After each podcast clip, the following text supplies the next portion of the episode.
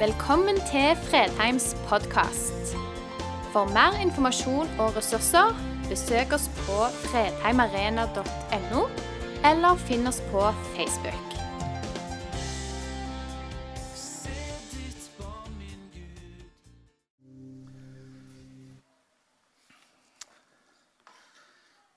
Teksten som vi skal lese denne søndagen, står i Lukasevangeliet, kapittel 16, fra og med vers 19 i Jesu navn. Det var en rik mann som kledde seg i purpur og fineste lin og levde i fest og luksus dag etter dag. Men utenfor porten lå, hans lå det en fattig mann som het Lasarus, full av verkende sår. Han ønsket bare å få mette seg med det som falt fra den rikes bord. Hundene kom til og med og slikket sårene hans. Så døde den fattige, og englene bar ham til Abrahams fang. Den rike døde også og ble begravet. Da han slo øynene opp i dødsriket der han var i pine, så han Abraham langt borte og Lasarus tett inntil ham. Far Abraham ropte ham. Ha barmhjertighet med meg og send Lasarus hit, så han kan dyppe fingertuppen i vann og svale tungen min, for jeg pines i denne flammen. Men Abraham svarte, husk mitt barn, at du fikk alt det gode mens du levde, og Lasarus fikk det vonde. Nå trøstes han her mens du er i pine. Dessuten er det en lang, lagt en dyp kløft mellom oss og dere, slik at de som vil komme herfra over til dere, ikke skal kunne det. Og ingen kan gå over fra dere til oss. Da sa den rike, så ber jeg deg, far, at du sender ham til mine fem brødre hjemme hos min far, for å advare dem, så ikke de også skal komme til dette pinestedet. Men Abraham sa, de har Moses og profetene. De får høre på dem. Han svarte, 'Nei, far Abraham, men kommer det noen til dem fra de døde, vil de omvende seg.' Abraham sa, 'Hører de ikke på Moses og profetene?' 'La de seg heller ikke overbevise om noen står opp fra de døde.' Tekstens sammenheng sa jeg litt om innledningsvis. Kapittel 16 her i Lukasevangeliet handler om penger. Det begynner allerede i vers 1 i kapittel 16. Det var en rik mann. Og i Vår tekst begynner med det samme. Det var en rik mann.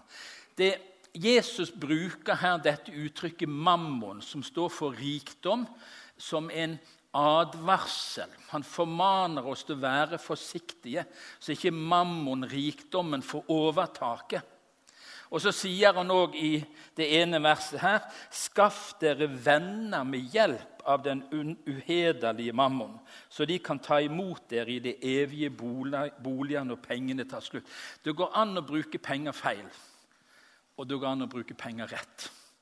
Og Så står det en setning litt lenger ute. Den er litt sånn direkte. Og Så sier Jesus om fariseerne og pengekjære som de var. Ganske greit pengekjære som de var. Så vi er altså i en sammenheng som handler om at penger kan være en utfordring. Rikdom kan være en utfordring. Den kan rett og slett være skadelig hvis den misbrukes og ikke vi forvalter pengene våre rett. Og så er det to brennpunkt, hovedpunkt, i denne teksten. Det handler om den rike og den fattige. Og det handler om at livet etter døden avgjøres av livet før døden. Og Det er de to tingene vi skal bruke litt tid på i formiddag. Ble Lasarus frelst fordi han var fattig? Gikk den rike mannen fortapt fordi han var rik og ubarmhjertig? Er det så enkelt som det? Det er teologer som vil si det at her blir tingene justert i balanse, sånn at til slutt ender det på en måte mer rettferdig og rent menneskelig er det forståelig. Livet etter døden avgjøres av livet før døden. Er det angrefrist på våre livsvalg? Og hva er det som avgjør vår tro? Disse to spørsmålene, og Da forstår dere at dette er en tekst som Jeg kunne godt hatt noen vers før eller noen vers etter. For dette krever, dette treffer. rikdom kan forblinde. Det høres jo så misunnelsesverdig ut, sånn som teksten innledes. Det var en rik mann som kledde seg i purpur og fineste lin og levde i fest og luksus dag etter dag. Er det ikke det mange av oss egentlig tenker? Sånn skulle det ha vært. Ikke det det mange mennesker tenker da er jeg lykkelig, da er livet hadde nådd sitt mål hvis jeg er rik, har alt jeg trenger til og kan leve i sus og dus. Det er så mye som tiltaler oss i det å ha i overflod. Misunnelsesverdig. Er det sånn det egentlig er? Hvis dere har lest Aftenbladet i går Av og til er det spennende å følge med i dagspressen. Så sto det en helsidig Aftenblad hvor en filosof skrev på en måte som var Gå hjem og les det hvis du har det. Hvis ikke finner du det på nett. En fantastisk artikkel. Og i, På forsiden i Aftenbladet så sto dette Vi har mistet noe viktig på veien til rikdom. Vi kan ikke kjøpe oss mening med livet. Og I begynnelsen av artikkelen tar han opp hvordan velstandsutviklingen ikke har blitt fulgt opp med lykke og tilfredshet. Han skriver i artikkelen at kanskje fram imot ja, en, en, stund tidligere på det, forrige årtusen så, så, så, fikk vi mer, og det gjorde oss mer lykkelige. Men så kom det et brekkpunkt. Vi ble ikke mer lykkelige. Det var utfordringer i livet. Det er ting med helse og livsstil som er mer krevende nå enn når vi hadde mindre. Bibelen sier det på denne måten. Men de som vil bli rike Det er jo ingen her som vil bli rike. Er det noen som har bedt om å vinne i Lotto noen gang? Eurojackpot som er enda større. Det er noen som nikker her. Det er noen ærlige. Gud velsigne dere som er ærlige. Vi har lyst å bli rike. Det er et eller annet i oss som driver oss. Men de som vil bli rike, faller i fristelser og snarer. Og så er det så nydelig det som står og gripes av mange slags tåpelige og skadelige begjær som styrter mennesker ned i undergangen og fortapelse. For kjærligheten til penger er roten til alt ondt. Dette er rett på sak. Her får vi det malt så tydelig som kan, vi kan få det. Pengene i seg sjøl er ikke problemet, men kjærligheten til pengene. Det å ville ha mer, ha mer. Det å stadig være misfornøyd med det vi har. Stadig strekke oss etter noe som er større, flott, flottere, eh, finere enn det vi har. Vi tror vi blir lykkeligere av det. Men på veien til rikdom, skrev han, så har vi altså mista meningen med livet. Den djupeste hensikten. Og Bibelen er så tydelig, og Bibelen er så ærlig, og det er befriende å lese det, men det er utfordrende. Og så sier alle her ja, men jeg er ikke så rik. Eller noen av dere innrømmer det kanskje. Men de fleste sier der er jeg ikke så rik. Hvorfor, hvorfor, sier vi det i Norge? Fordi vi ser på de som er rikere enn oss. Vi sammenligner oss hele tiden med de som har mer, de som er litt rikere. Og dermed er vi aldri rike i egne øyne. Men vi er rike alle mann. I verdens målestokk så lever vi på den gylne grein når vi opplever fattigdom i Norge, som er krevende for personer i vårt land som har mindre enn det de trenger, så er den fattigdommen annerledes enn de som virkelig opplever fattigdom. De som ikke har mat, de som ikke har klær, de som ikke har det de trenger til. Og Denne teksten utfordrer oss i vår velstand. Den utfordrer meg. Vil jeg bli rik? Hva drivkraft er der i meg som gjør at jeg gripes av mange skadelige, tåpelige og skadelige begjær? Skal vi innrømme det at mange av de tingene er tåpelige og skadelige? Vi trodde når vi fikk det, når vi nådde det, så skulle vi bli mer lykkelige. Jeg så ikke denne fjernsynsserien, kanskje jeg må se den, for der var det mye spennende. Jeg tenkte jeg måtte leite litt for å, for, for å se er det noe her som er anvendelig. Eh, det var Hva heter nå han? Harald Eia heter han. sant? Ja, Harald Eia hadde en programserie som het 'Sånn er Norge'. Og Han gikk gjennom mange forskjellige ting. Den ene handler om Gud. Og Han forteller det, han viser statistikk som flimrer på en skjerm, at i 1947 så svarte 84% av den norske befolkningen at de trodde på Gud. 84% av den norske befolkningen i 1947 etter krigen, med alt det den medførte, sa de trodde på Gud. Den siste undersøkelsen som han hadde tilgang til, var fra eh, 2019, 2019, bare noen få år siden. Da var det gått ned til 30 av den norske befolkningen som sa de trodde på Gud. Og Så begynner han å spørre og leite hva er hovedgrunnene til at det norske folk ikke lenger tror på Gud som før. Og Så kommer det flere teorier, og noe av det han sier er ganske tydelig, det er at det har litt med utdannelse å gjøre, men det har med trygghet å gjøre. Vi har fått alt det vi trenger for våre basale behov. Og da trenger vi ikke Gud. Så klarer vi oss uten Gud. Vi er blitt rikere materielt. Men det er færre som venner seg til Gud, og som opplever at de trenger Gud. Og Så er det noe i denne, det programmet som òg var ganske spennende. og Det er at troen den vokser i hele verden. Flere og flere mennesker i verden bekjenner seg til en tro. Det vi opplever i Norge, det vi opplever i Vesten, i Europa, er ikke det representative. Og Der er det et paradoks.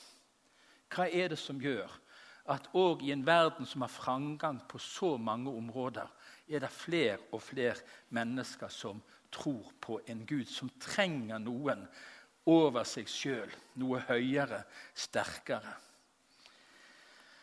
Vil du bli rik? Ja, de fleste av oss. Vi kunne hatt litt mer. sant? Litt til. Ikke skada med litt til. Og når vi fikk litt til, hva hadde vi da tenkt? Hadde ikke skada med litt til. Litt til. Og så er det noe i oss, en drivkraft, som utfordrer troslivet vårt. For òg utenfor våre porter finner vi de fattige. Ikke så fysisk som i denne beretningen med den rike mannen og Lasarus, hvor han lå ut forbi porten med alle sine verkende sår, med sulten, og hundene, de ureine dyrene, kom og slikte sårene hans. Det er ikke så fysisk, men du kan ikke skru på en fjernsynskanal, nesten en nyhetssending, uten at du ser at vi har de fattige. Like utenfor våre porter. Vi har de i vår Det er ikke lang tid en flyreise. Det er ikke mange timene du skal bevege deg. Så er det utrolig mange mennesker som ligner mer på Lasarus enn på oss. Og en jøde visste så godt at han hadde en forpliktelse overfor de fattige. I flere av de profetskriftene i Det gamle testamentet så refser Gud og profetene Israels ledere og hyrder at de bare samler til seg sjøl og glemmer enkene og de farløse og de fattige. Det er åpenbart ut ifra Bibelen at Gud har en spesiell omsorg for de fattige. Den rike mannen visste det, men han lot altså Lasarus ligge der. Han brydde seg ikke. Og spørsmålet er om vi bryr oss. Når Jesus i Matteus kapittel 25, en krevende tekst, taler om en av disse minste hva er, det han, er sier og anklager folk for? Det du gjorde mot en av disse mine minste, det gjorde du mot meg, sier Jesus. Og hva var det han oppfordra til? Besøke de som var i fengsel. Gi mat til de sultne. Gi et glass vann til de tørste helt ned på sånne praktiske ting, sier Jesus, det har betydning for om den troen vi har, er ekte. Sånn som jødene visste fra all sin undervisning i synagogen at de hadde spesielt ansvar for de fattige, så underviser Jesus oss som vil følge han. Vi har et ansvar. Det ene glasset med vann. Den ene matbiten, brødbiten det besøket for mennesker som opplever livet krevende, det hører til som en naturlig følge av å kjenne Jesus og ville følge han. Det andre som denne teksten understreker, og det er en, en bibelsk tanke som jeg kjenner utfordrer og er krevende å dele. Nå La oss bare si det først at dette er en lignelse. En lignelse er ikke til for å lese som teologisk lære i alle sine bilder. Når Jesus sier 'himmelriket lik det sennepsfrø', så er det ikke for himmelen er et sennepsfrø. Men han bruker et bilde for å forklare en annen sammenheng. Når han sier at himmelriket er likt en skatt som var gjemt i en åker Jo, himmelen er en skatt, men det er ikke en skatt som er gjemt i en åker. Vi forstår at lignelsene peker på et hovedpunkt, et brennpunkt. Og Vi skal ikke alltid fortape oss i detaljene. Vi skal ikke tenke nå at denne lignelsen i Lukas 16 som vi nå har lest, den forteller hvordan det er når et menneske dør, helt fysisk praksis. Da blir én henta der og én henta der, og så kan de se hverandre og snakke med hverandre. Og, og, og Det er en avgrunn imellom. Du kan på en måte velge å gå fram og tilbake om det var mulig. Det er ikke det som er essensen i denne lignelsen. Men det er noen brennpunkt Jesus ønsker å fokusere på. Det er noe han har lyst å fortelle oss. Og så taler denne teksten om at livet, de valgene vi gjør nå, de har betydning for evigheten. Det livet du har nå, det er det som avgjør hvordan det går med oss i det evige livet. Og det er krevende, for teksten som Jesus forteller, han som kom for å frelse, ikke for å dømme. Han som elsker ethvert menneske og ga sitt liv for ethvert menneske for at det ikke skal gå fortapt. Han forteller at det livet og de valgene du tar, de har betydning for hvor du skal være i evigheten. Og dette er krevende. Skal vi tale om dette? Og jeg har bedt om det for min egen del. Hvordan kan jeg tale om at livet har to utganger? Har jeg lov til det? Har jeg frimodighet til det? Kan jeg tale om det som om det ikke bryr meg? Og jeg har bedt Jesus jeg må få ditt sinnelag, ditt hjertelag. For du talte om disse tingene tydelig, men du beviste at du brydde deg om mennesker. Din kjærlighet var for alle. Du møtte alle mennesker med et nådebudskap og muligheten til å få et nytt liv sammen med deg. Vi må ikke tale enkelt om disse tingene. Så står det i teksten så døde den fattige, og englene bar ham til Abrahams fange. Jeg vet ikke om dere fulgte med på sangen rett før talen. 'Dine engler skal meg bære'. Var det dere sang? Jeg skulle nesten tro at du hadde lest teksten på forhånd. Ah, ja, Han hadde det, altså. Det godt. Det hjelper med en stor bibel, forstår jeg. Jeg tror jeg skal hente fram min og se om det hjelper enda mer. Men altså, her står det noe så nydelig. Kom han til himmelen fordi han var fattig? Er det sånn at hvis du bare er fattig nok, har nok behov, har blitt mishandla og misbrukt i denne tiden, så får du en garantert belønning på den andre siden. Og jeg har sagt Gud bryr seg om de fattige. Men det er ingenting i denne teksten som sier at Lasarus kom til himmelen i Abrahams fang, for å bruke det uttrykket som teksten sier, fordi han var fattig. Men det er en liten antydning i denne teksten. Jeg vet ikke hvor godt du er kjent med Jesu lignelser, men dette er den eneste lignelsen Jesus har fortalt, som vi har i Skriftene, hvor han nevner et navn på en av de som er med i lignelsen. Ellers er det den rike unge mannen eller det er forskjellige ting. Bare én gang i en lignelse bruker Jesus et navn. Den rike mannen vet vi ikke navnet på, men vi vet navnet på Lasarus. Lasarus kommer av navnet Elasar, som betyr 'Gud har hjulpet'. Abrahams tjener Elasar han var den som skulle arve helt han fikk sin egen sønn og nye arvinger i sitt slektsledd. Her ligger det en tanke i denne teksten som er oppbyggelig. Han som ingen mennesker ville hjelpe. Han som ingen mennesker brydde seg om. Han hadde tillit til Gud. Han hadde vendt seg til Gud. Han visste hvordan han skulle si, ordne seg for sin evighet. Og så har han fått navnet Gud har hjulpet. Lasarus kom til Abrahams fang, ble båret av engler, fordi han trodde på Gud. Ikke fordi han var fattig. Den rike døde også og ble begravd. Da han slo øynene opp i dødsriket, var det fordi han var rik at det gikk galt med han. Da burde vi gitt fra oss alt vi eide, alle mann, hvis det var noen garanti. Nei, det var ikke fordi han var rik, men det var fordi at hans kjennskap, som han åpenbart har ut fra teksten her, til far Abraham Han omtaler Abraham som sin far.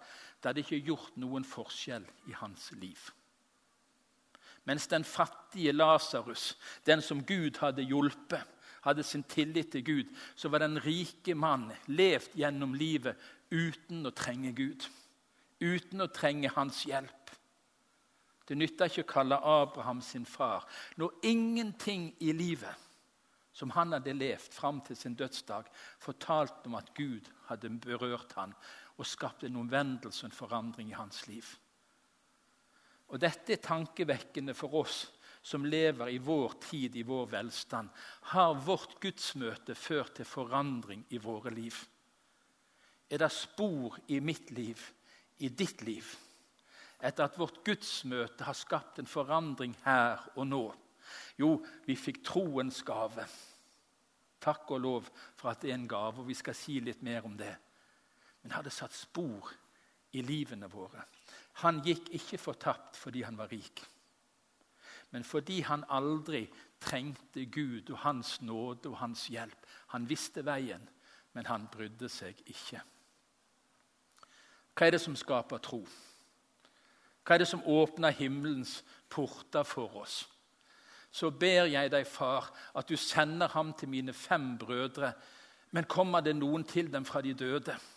Og Nå må jeg si det, nå har vi flere søndager tidligere i høst lest tekster hvor Jesus helbreder mennesker, hvor Jesus vekker opp døde. Altså Vi har lest med, og skal vi frimodig få lov å be for syke mennesker og anbefale dem for Jesus som kan helbrede.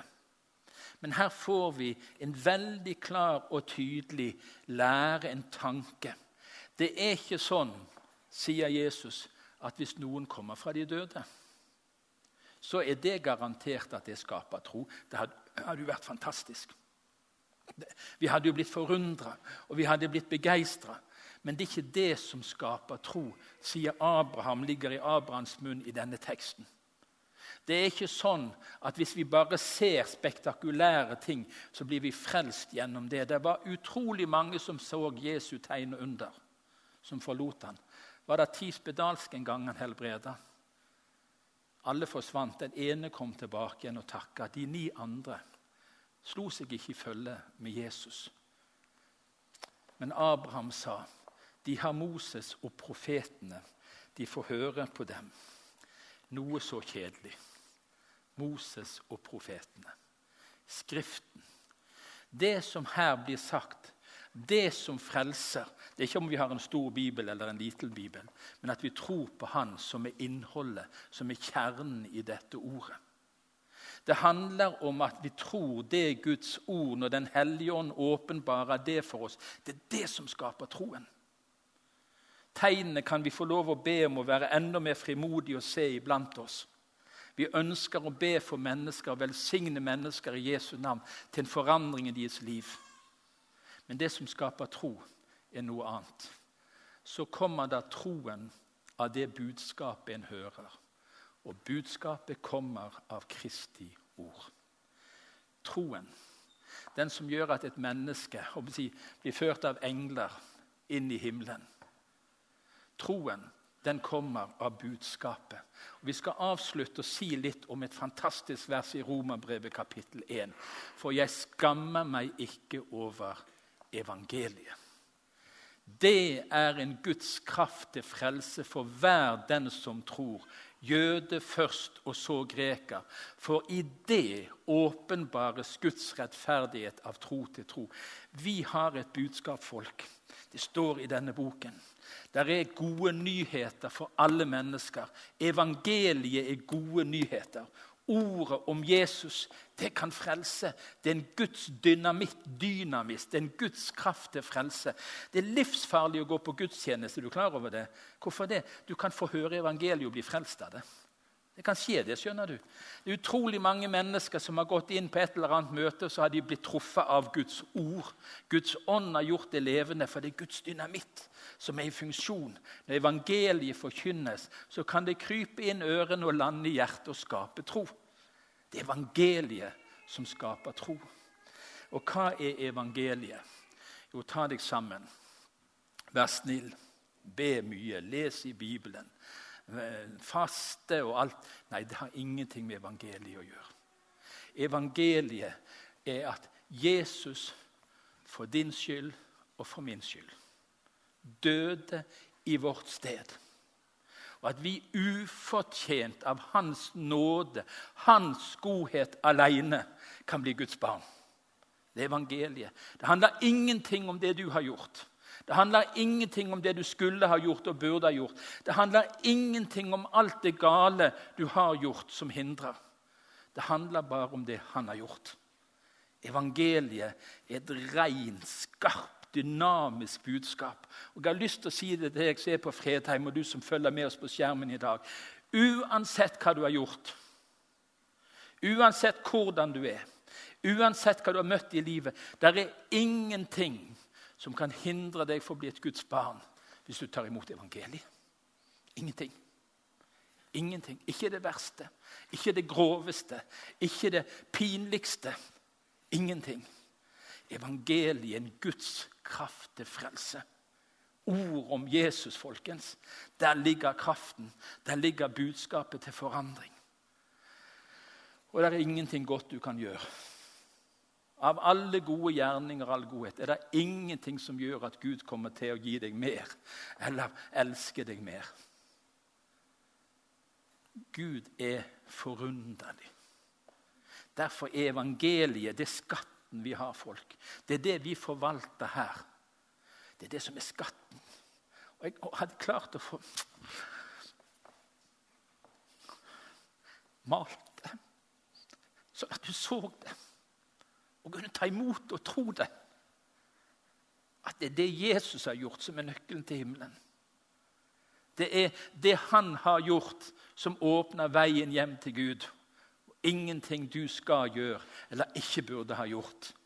Evangeliet er en Guds kraft til frelse. For i det åpenbares Guds rettferdighet. Denne søndagen handler om den rike og den fattige. Det handler om livets to utganger. Det er ikke noe angrefrist. Men vi avslutter denne preken denne søndagen og sier veien til himmelen, den er åpen. Veien hjem til Gud, den er åpen. Den åpna Jesus da han døde på korset. Og avvæpna makten og myndigheten og stilte de fram til spott og spe da han triumferte over de på korset. Veien oppad, folk. Den er fri. Den er åpen. Hvordan blir den veien din? Jesus, jeg får det ikke til sjøl, men jeg tar imot det du fikk til. Nå skal vi sunge en gammel sang. Jeg, jeg, nei, jeg, jeg, skal ikke begynne. Det er nok det som Jesus gjorde. Sant? Det er nok det som Jesus gjorde. Er det verdt et lite halleluja, et amen? Det er nok det som Jesus gjorde, folk. Det holder i tid, og det holder i evighet. Ære være Hans navn, skal vi be sammen. Jesus, vi priser deg for at du betalte prisen. Du åpna veien. Takk for evangeliet, Jesus. Takk for dynamitten, for kraften i evangeliet. Takk for at vi som er her, og de som følger oss på skjerm, de trenger ikke trekke noe fra eller legge noe til. Det er nok det som du, Jesus, gjorde. Det holder i tiden, og det holder i evigheten. Så ber vi her òg ydmykt at vi som vil følge deg, ser de fattige foran våre dører, våre porter. At din barmhjertighet, dine utstrakte hender, kan få lov å berøre våre liv, så vi møter mennesker med barmhjertighet som trenger det. Men aller mest ber vi, Far, i Jesu navn. La oss få lov å leve i troens forunderlige verden av nåde. Til Guds ære. Amen.